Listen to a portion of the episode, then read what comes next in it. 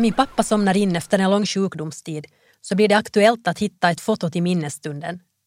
Och bland alla gulnade fotografier hittar jag ett där han och jag finns med på samma bild. Det är taget sommaren 1970. Jag är sex månader gammal och sitter i hans famn. I familjens nya vita fjordbåt som är på väg från Åland där mina föräldrar skapat sitt första hem. Vi är nu på väg till den åboländska skärgården för att fira sommar. Jag är tanig och mager efter en tids sjukdom. Rädd är jag också, för båten hoppar och havet är obekant. Pappa kör och jag gråter. I slutet av sommaren tas en ny bild och man ser tydligt att jag lagt ordentligt på hullet. Jag tittar frimodigt in i kameran. Varje gång som fotografiet tas fram får jag höra att det var den sommaren som jag blev en helt ny flicka på bara några veckor. Bland mommos kastruller fick jag smaka alfågelsås och flundror. Och redan min första sommar blev jag alltså en ny flicka. Hur många gånger efteråt har jag inte önskat att det skulle ha gått lika snabbt och smärtfritt att bli en ny flicka. Min första sommar reste jag alltså från en ö till en annan ö. Och där någonstans på vägen skedde en förvandling. Och på något sätt har jag en känsla av att samma resa ännu pågår. Skillnaden är den att pappa är borta och nu förväntas jag själv stå vid ratten. Jag är rädd, lite tanig emellanåt, men bär en orubblig tro på öars förmåga att förvandla och förnya både sig själva men också alla dem som gästar dem under en flyktig dag i det som kallas livet. Jag heter Camilla Lindberg och är din sommarpratare idag. Åren går och jag blir tonåring och senare student. Jag lämnar mina barndomsöar bakom mig och börjar studera till lärare i Vasa. Efter några veckor träffar jag min blivande man Magnus på en sits. På avstånd hör jag honom nämna namnet på min barndomsö och nyfikenheten väcks. Jag går fram till honom och frågar om han känner till Rosala och lite nonchalant svarar han att skulle han nu inte det? Där har han ju tillbringat alla sina somrar och därifrån kommer hans släkt och jag hör liksom på tonfallet att min ö egentligen är hans. Det visar sig, när vi samtalat en stund, att vi bägge under oändliga somrar bott på varsin sida om det som kallas Strömmen. Jag känner till hans kamrater, våra föräldrar är bekanta. Men vi har alltså levt totalt ovetande om varandra med endast ett smalt sund emellan oss tills vi träffas denna höstkväll i Vasa. Kort därefter bestämmer vi oss för att åka ut till ön. Det går bra att samåka tycker vi, när vi nu båda råkar vara på väg åt samma håll. Ungefär ett och ett halvt år senare är vi tre, när Isabelle, vår förstfödda, kommer till världen. Det här lär mig något om livets förunderligheter. Att även den mest hemtama ö kan bjuda på livsavgörande överraskningar. Och varje gång vi ens tänker tanken att släppa taget om varandra inser vi bägge att det inte endast handlar om att släppa taget om en människa utan om en hel ö. Så är det bara, och mot det har vi ingenting att invända. Öar i olika variationer, små och större, blir från tidig ålder en naturlig del av mitt sommarliv. Vi bor i Hangö om vintrarna och många av mina kamrater tillbringar också somrarna på Rosala och Hitislandet. Det finns en naturlig färdväg till havs mellan småstaden och de åboländska öarna. Långt senare i vuxen ålder börjar jag förstå att havsgenerna och öidentiteten inte går att avlägsna så där lättvindigt. En sommar när barnen är små bilar vi genom Europa i en liten bil utan luftkonditionering. Vi vill upptäcka någonting nytt och är trötta på den åboländska skärgården som vi trott oss ha sett till lust och leda. På vägen hem från franska rivieran kör vi upp genom Frankrike och vidare genom Tyskland. Det går bra till en början, men plötsligt går det inte alls bra. När vi befinner oss någonstans mitt i de väldiga skogarna börjar en obehaglig känsla krypa på. Jag har svårt att få luft och vi stannar bilen. Men den friska luften förändrar ingenting. Det dröjer ett tag innan jag inser att det handlar mer om identitet än om syre.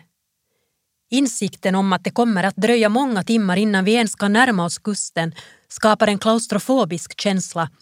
Jag inser också att det är ungefär första gången i mitt liv som jag ska övernatta på en plats där jag inte kan nå havet på en liten stund. Trots trötta småbarn i bilen så bestämmer vi oss för att köra vidare. I efterhand kan det te sig lite överspänt, det var det kanske också. Många timmar senare når vi kusten. Där ligger vi sedan skavfötters alla fyra i ett hotellrum som är knappt mycket större än en dubbelsäng och andas, får luft. Havet är nära. Senare får jag veta att min man Mange känt likadant, även om han inte sagt någonting just då. Ensam bar jag det neurotiska hundhuvudet utan att riktigt förstå vad som drabbat mig. Barnen växer upp och det blir småningom tid för egen skapande verksamhet. Jag skriver och min man fotograferar, till en början var för sig och utan någon inbördes koppling. Tror vi. Den första reportagebok vi ger ut tillsammans blir en öbok. Den heter Röster från Rosala och har karaktären av en platsbiografi. Vi gör ett försiktigt försök att ringa in vår älskade ö.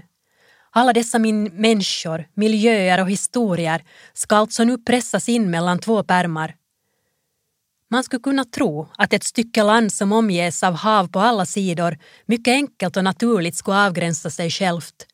Öar brukar definieras som ett landområde som är omgivet av hav och någon har sagt, kanske var det vikingarna, att en ö är en ö, enbart om det går att ta sig runt med båt. Annars är det fastland. Vi märker snabbt att det som språket förmår avgränsa inte gäller i verkligheten och bara en ynklig del av vår ö ryms in i den boken. Bok nummer tre kommer också att handla om en ö, men den här gången är det en grekisk ö. Livets vägar är förunderliga och för att göra en lång historia kort så händer det sig att jag en dag sitter i det lilla svajiga planet som ska ta mig från Aten till Eros med uppdraget att skriva en reportagebok om Kristine och Göran Schilts grekiska liv. Boken utspelar sig på den mytomspunna ön i Egeiska havet som paret Schilt förälskade sig i redan på 60-talet. Jag känner mig som en fågel.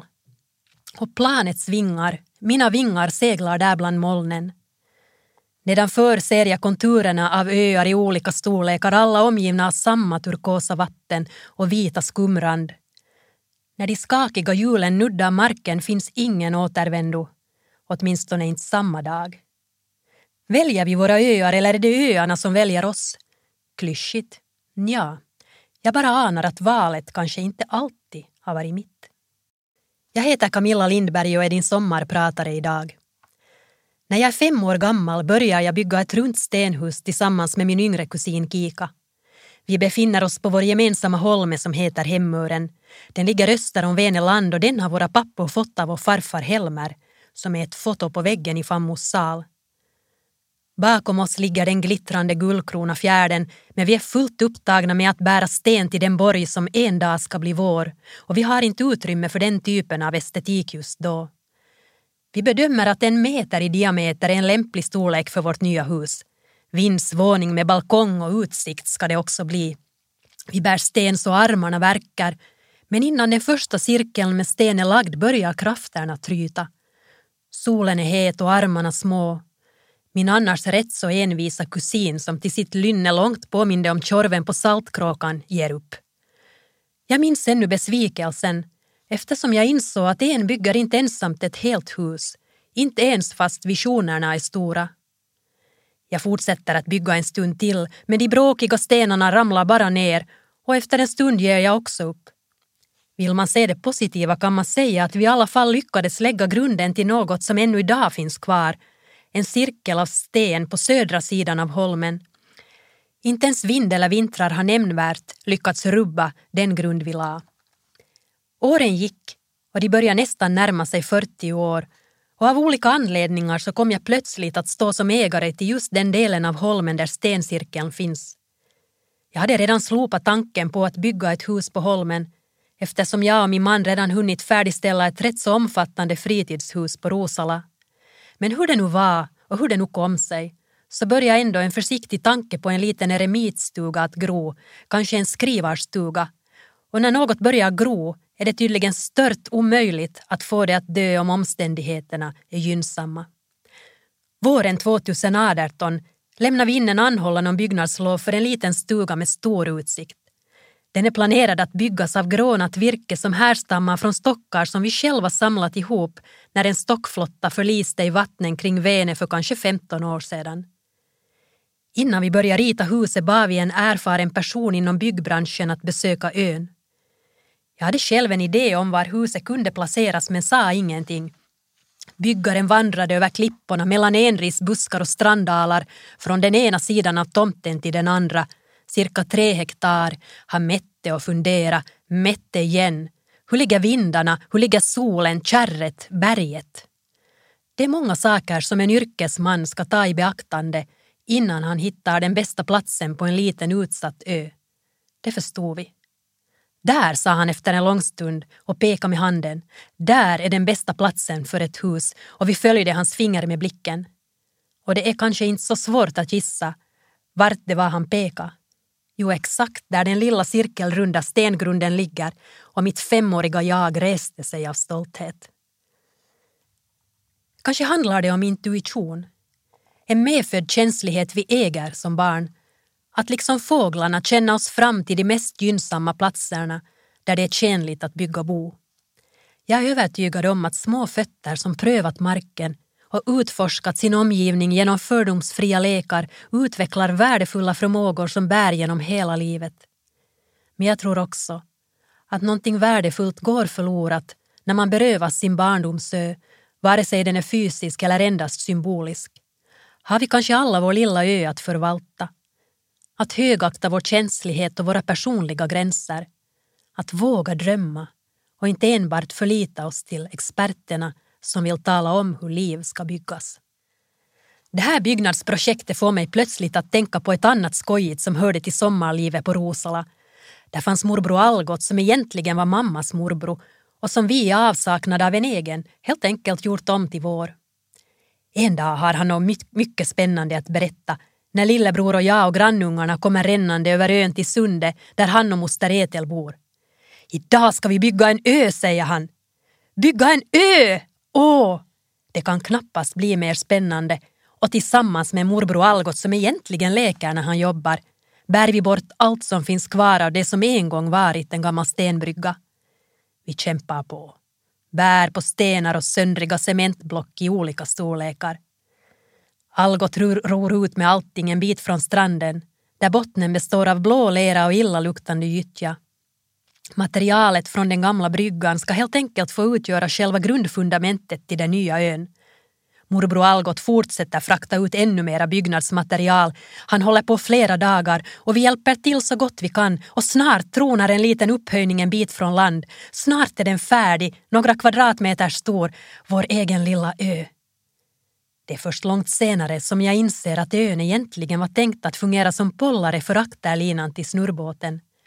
Men öns ungar hölls sysselsatta och vi upplevde att det vi var med om var någonting häpnadsväckande stort. Vi var helt enkelt betrodda att kavla upp ärmarna och ta del av ett samhällsbygge där allting skulle skapas från grunden. Morbror Algot berättar för oss att det här egentligen är ett arbete som aldrig tar slut man kan bygga ut ön så den blir högre, längre och bredare. Men det får bli till ett annat år. För han är redan i full gång med en annan mer krävande uppfinning som berör varmvattenförsörjningen på tomten. Nu får vi barn ta över den lilla ön och förvalta den efter bästa förmåga. Ön tillhör alla barn, säger morbror Algot när någon av oss gör anspråk på att få bli ägare till ön. På den ska alla få leka. Och vi vadar ut med ett paket Mariekex och en flaska fjolårssaft. Vi sätter oss inte på stranden där det är gott om utrymme. Vi söker oss inte heller ut på de öppna ängarna eller ut i den djupa granskogen med de mossbelupna stenarna. Nej, det är på den här lilla ön som vi alla unga vill trängas. Det är Tuttis Mikaela och David och Gösta från glada Sverige och så Ranghilds Nicke och lillebror och jag. Morbror Algot har sagt att man inte får knuffas för då kan den som sitter längst ut ramla rakt ner i vattnet där de stora hajarna simmar som suktar efter mjuka barnfötter. Vi knuffas och plumsar i. Naturligtvis gör vi det. Nästan 40 år senare sitter jag i den oändliga färjkön i Kasnäs tillsammans med alla människor som ska åka ut till Rosala för att fira midsommar. Släpvagnarna och takställningarna dignar av byggnadsmaterial och det är så hiskeligt trångt. Ska alla rymmas med färjan och hur ska alla få rum när vi kommer fram? Situationen känns märkvärdigt bekant. Vi bygger, bär och knuffas alltjämt på vår lilla kära ö. Vi skrattar nästan ihjäl oss över den musik som mommo och muffa spelar i det vita stenhuset på Sommarön. Vi är 12-13 år gamla och det mesta som den äldre generationen gör och säger är pinsamt. Här finns inga som helst beröringspunkter och total avskildhet är ett krav för att man överhuvudtaget ska kunna existera bland alla dessa dinosaurier som rör sig mellan fisksumpen och trädgårdslandet. Ut ur Mommos radio flödar fryntliga frikyrkotoner och Mia Marianne och Per Philips drömlika sång stannar bakom dörren som vi smäller igen efter oss. Vi springer ner till huset som kallas där vi bodde förut och in i mitt lilla sommarrum med vita medaljongtapeter och bruna möbler. Mikaela knäpper på vår mankare och tonen av ABBA vrålar ur den skrälliga apparaten. Först kommer I have a dream och sedan alla de andra låtarna. Vi kan engelska och sjungskriker så högt att hela viken hör Super trooper bims gonna blind me. Högre och högre skriker vi medan vi drar på våra låtsasgitarrer. Snart kommer också sommarpojkarna in. Benny och Björn ställer sig på golvet och hamrar ljudligt på en gammal fisklåda medan ABBA-flickorna står på en hetekasäng. De vaggar fram och tillbaka. Ibland dunsar någon av popstjärnorna i golvet för så himla svajiga är de nya tonerna som väller in som en mäktig våg av aldrig tidigare skådat slag. De psykedeliska tonerna av Jimi Hendrix nuddar visserligen 70-talet men de hann aldrig fram till vår skärgårdsstrand innan upphovsmannen dog. Nu blåser de heta spanska vindarna istället in över vår ö. Backarna äntrar scenen och en flickduo insvävta i blåblommiga nylongardiner. De skriker inte lika högt som ABBA-flickorna utan är betydligt ljuvare i sina röster när de sjunger Yes sir, I can boogie. Till sist är det dags för Bonnie M. De är tyskar fastän de är mörkhyade och sjunger därför med djupa röster. Just när discovågen nått sitt kulmen och luften vibrerar och Marcia, Liss och Bobby brölar ut sitt “Daddy cool” som allra värst kommer Muffa in genom dörren. Valomerkki kan man säga. Han är liksom mer för andra kulor än diskokulor, för att uttrycka det milt. Han ropar “Och vad är det här för oljud när man ska jobba?” Så smäller han igen dörren med kraft. Men ut genom Mommos öppna köksfönster letar sig ändå de finurliga tonerna av Mia Marianne och Per Filip när de sjunger om att långt borta i fjärran ljusnar en morgondag en värld utan hat där bara kärleken rår där det inte finns någon rädsla där tanken är fri. De sjunger om ställen där inga gränser är slutna man passerar förbi. Och mellan de olika världarna som också tycks finnas på små öar byggs en ljudbrygga men det är ingen förutom måsarna som sitter på telefonledningarna som tycks märka det just då. Det var så mycket vatten på den här tiden. Överallt samma vatten. Man simmar aldrig ut i samma vatten. Lilla Camilla, vet du inte? Rösten bryter in där jag ligger och läser med täcket högt upp uppdraget över öronen. En av mina älsklingslyriker medan minnen sköljer över mig. De kommer så oväntat hur mycket finns det av dem egentligen? Lilla Camilla, vet du inte det? Och där är lyrikerns röst en gång till, nu mer uppfordrande. Man simmar aldrig ut i samma vatten. Men den här gången är jag inte övertygad. Är det inte så att vi alla simmar ut i samma vatten, badar i samma balja så att det riktigt stänker om det? Det är bara några kontinenter som skiljer världens vidsträckta fjärdar från varandra en enda stor badbalja som det tidvis ångar om ganska rejält. Aldrig blir det så tydligt som den dagen då jag får möjlighet att tränga in i den grekiska övärlden när jag reser ner till Leros för att skriva en bok om Kristine och Göran Schilds grekiska liv. Jag ges tillfälle att nosa på vikar och skrapa i berggrund där demokratins vagga en gång föddes. Jag gräver i den jord där också finländarnas kulturella arv ligger begravt gräver efter berättelser och märker att i dessa karga marker, där man inte ens kommer åt att gräva ner sina döda utan förvarar benen i benhus, rör sig också berättelserna på samma sätt mera på ytan än hemma, där dödingarna begravs under metervis med svart jord. Jag har plötsligt fått en längtan efter att se kött och senor växa ut, väcka benen till liv igen, alla berättelser som öarna ruvar på. Vart jag än vandrar på de grekiska öarna tycker jag mig se idel bekanta och till en början är det en mycket besynnerlig känsla. Den grekiska mannen som sitter i sin fiskeby och lappar nät. Gula bragder mot vit vägg. Hav så hisnande blått att vattnet utanför vår vik bara blir en blek kopia i jämförelse. Men ändå ser jag bakom fiskarens krumma rygg en annan skepnad avteckna sig mot en rödmyllad båthusvägg. Morfar med sina nätestickor och gråa nät. Finländska skötbåtar och färggranna grekiska båtar tätt intill varandra som gjorda för rullande sjögång. Har fångsten varit god? Får vi mat för dagen?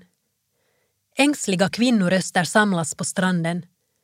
Det spelar ingen roll om man just genomlidit det finska vinterkriget eller turkarnas ockupation. Mat behöver alla. Och där utanför det vitkalkade huset står någon och tecknar åt mig att komma närmare. Här är man alltid välkommen. Men är det inte någonting välbekant också över den grekiska gumman som står där och ler? Svart duk på huvudet, svart kjol, mörka ögon, ljus blick. Kalispera, god afton, men stig in i stugan barn. Men gamla Fammo, hur är du här? Den gamla kvinnan vänder sig om, leende bakom sträng mask. Den grekiska kvinnan vänder sig om och ropar in barnbarnen som leker med ett gammalt traktordäck på den grekiska gårdsplanen. Vad gör gummiringen som omgärdar Fammos gamla blomrabatt här? Jag vandrar längre bort. Förbi tavernorna där gästbryggan slutar ser barn leka på stränder där bläckfiskar slås mjuka mot betongbryggor hör avlägset någon ropa att nu är flundersoppan serverad och det låter precis som mommo, min mommo. Ett barn springer iväg, får en tallrik med kakavia, grekisk fisksoppa framför sig. De äter med god aptit. Efkaristo, tack för maten. Till de nöjen som på något sätt ramade in vår tillvaro i barndomens rosa gav veckorna sin egen struktur hörde välkomstkommittésysslan på fredagar och avskedskommittésysslan på söndagar. Där stod vi på kajen tillsammans med alla bybor och väntade. Först på hitisbåten och senare på att den förskräckligt stora rosala båten med fin salong och plyschfåtöljer skulle lägga till. På 70-talet lyste bilarna nästan helt med sin frånvaro på ön. Till öar färdades man med båt. Vad i hela fridens namn skulle man göra med en bil? Herre min ge ändå, då kommer allt löst folk att komma hit, sa mommo när hon hörde att nya vägar planerades. Genast som båten lade till fylldes förbindelsebryggan med sjömanssäckar och plastkassar, frysväskor och kartonger. De radades upp på mjölkkärror och skottkärror eller bars ner till båtarna. Det var glam och glädje. På söndagen var det samma cirkus, men i omvänd ordning. Kramar, pussar, uppmuntrande rop. Utan söndagens avsked blir fredagskvällens glädje ganska tunn. Men vad hjälpte den tanken ett otåligt barnasinne?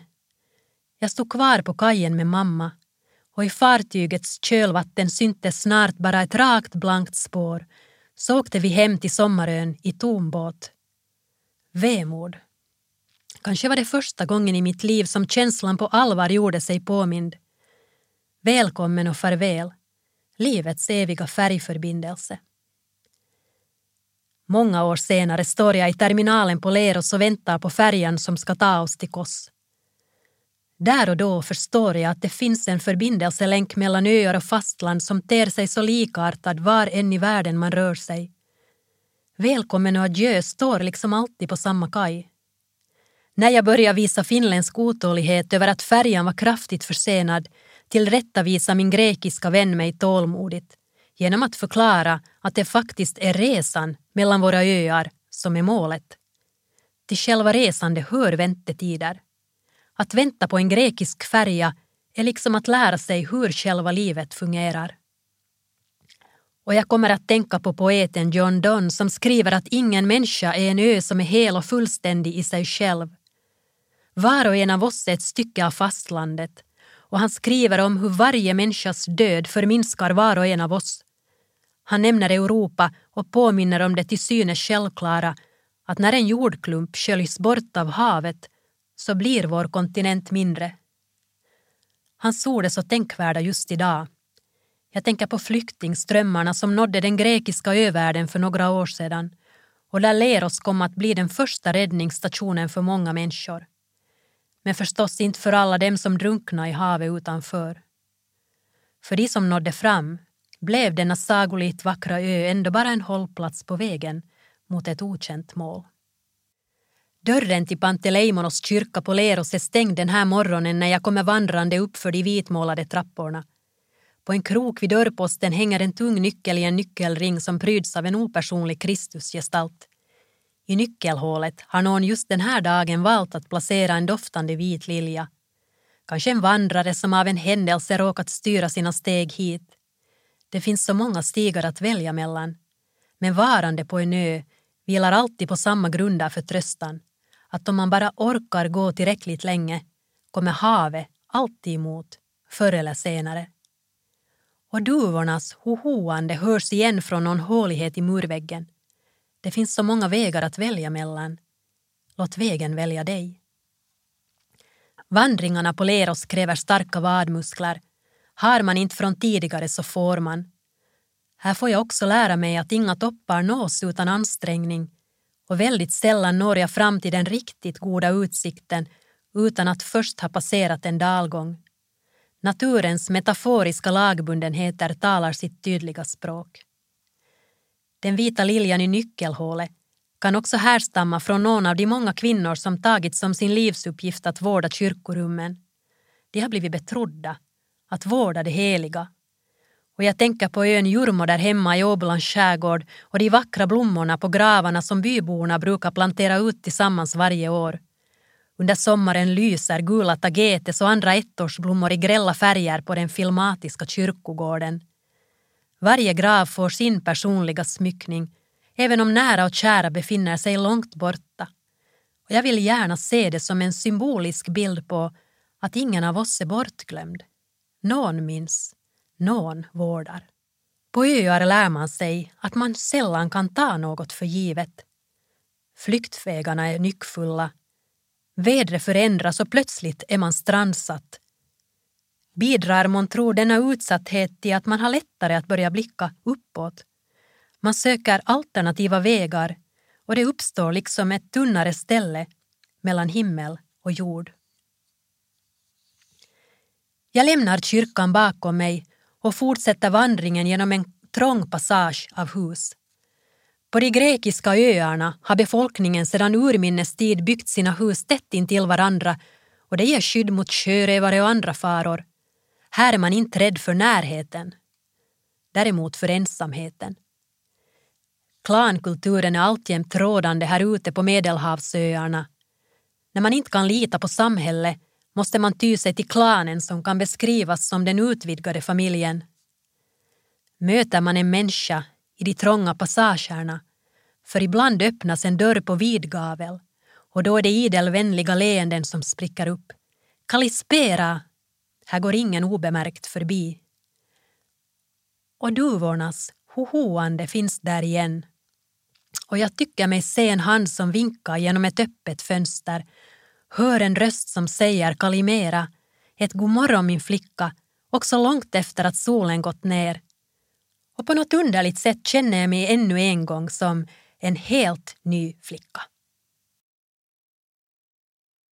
Nedanför kastrot på Leros syns några stenruiner som nästan smälter in i bergväggen. De här hålorna inhyste under tidigare århundraden alla de arma människor som insjuknat i lepra och fördes ut till ön från fastlandet. Samma ö kom senare att inhysa Greklands stora mentalsjukhus där politiska fångar förvarades under juntatiden. Bland dem fanns poeten Giannis Ritsos och kompositören Mikis Theodorakis. Det är alltså inte utan orsak som ön också kommit att kallas för dårarnas ö. Inte utan orsak som Jurmo kallats för vrakplundrarnas ö.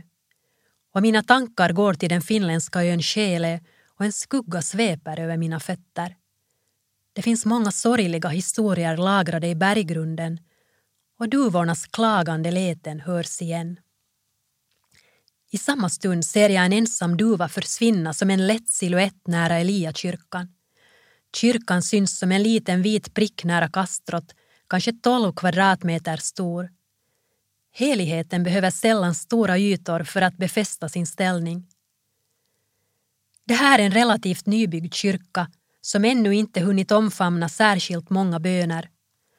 Under årens lopp har människor sökt sig undan livets larm till dessa stilla oaser där man kan ana någonting bortom det synliga.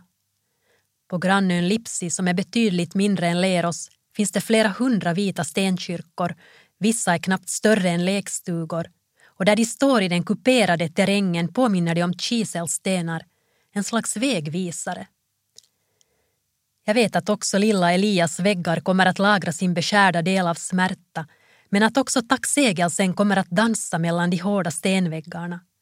Välkommen och farväl, ännu en gång i samma väntrum.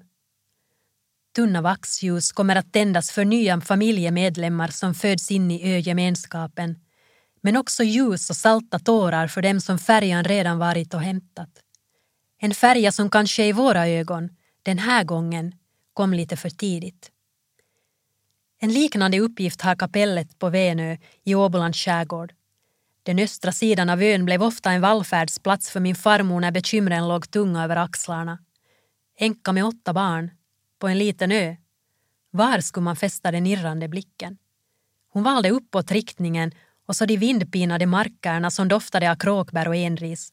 Djungens doft på samma hedar blev för oss barn en påminnelse om att sommaren led mot sitt slut och att det nu var dags att börja skolan. Jag heter Camilla Lindberg och jag väljer att tro på den ensamma duvans hohoande som följer oss på vår vandring över hedarna. Och det är mer än tillräckligt. Just nu mer än tillräckligt. Egentligen allt som behövs.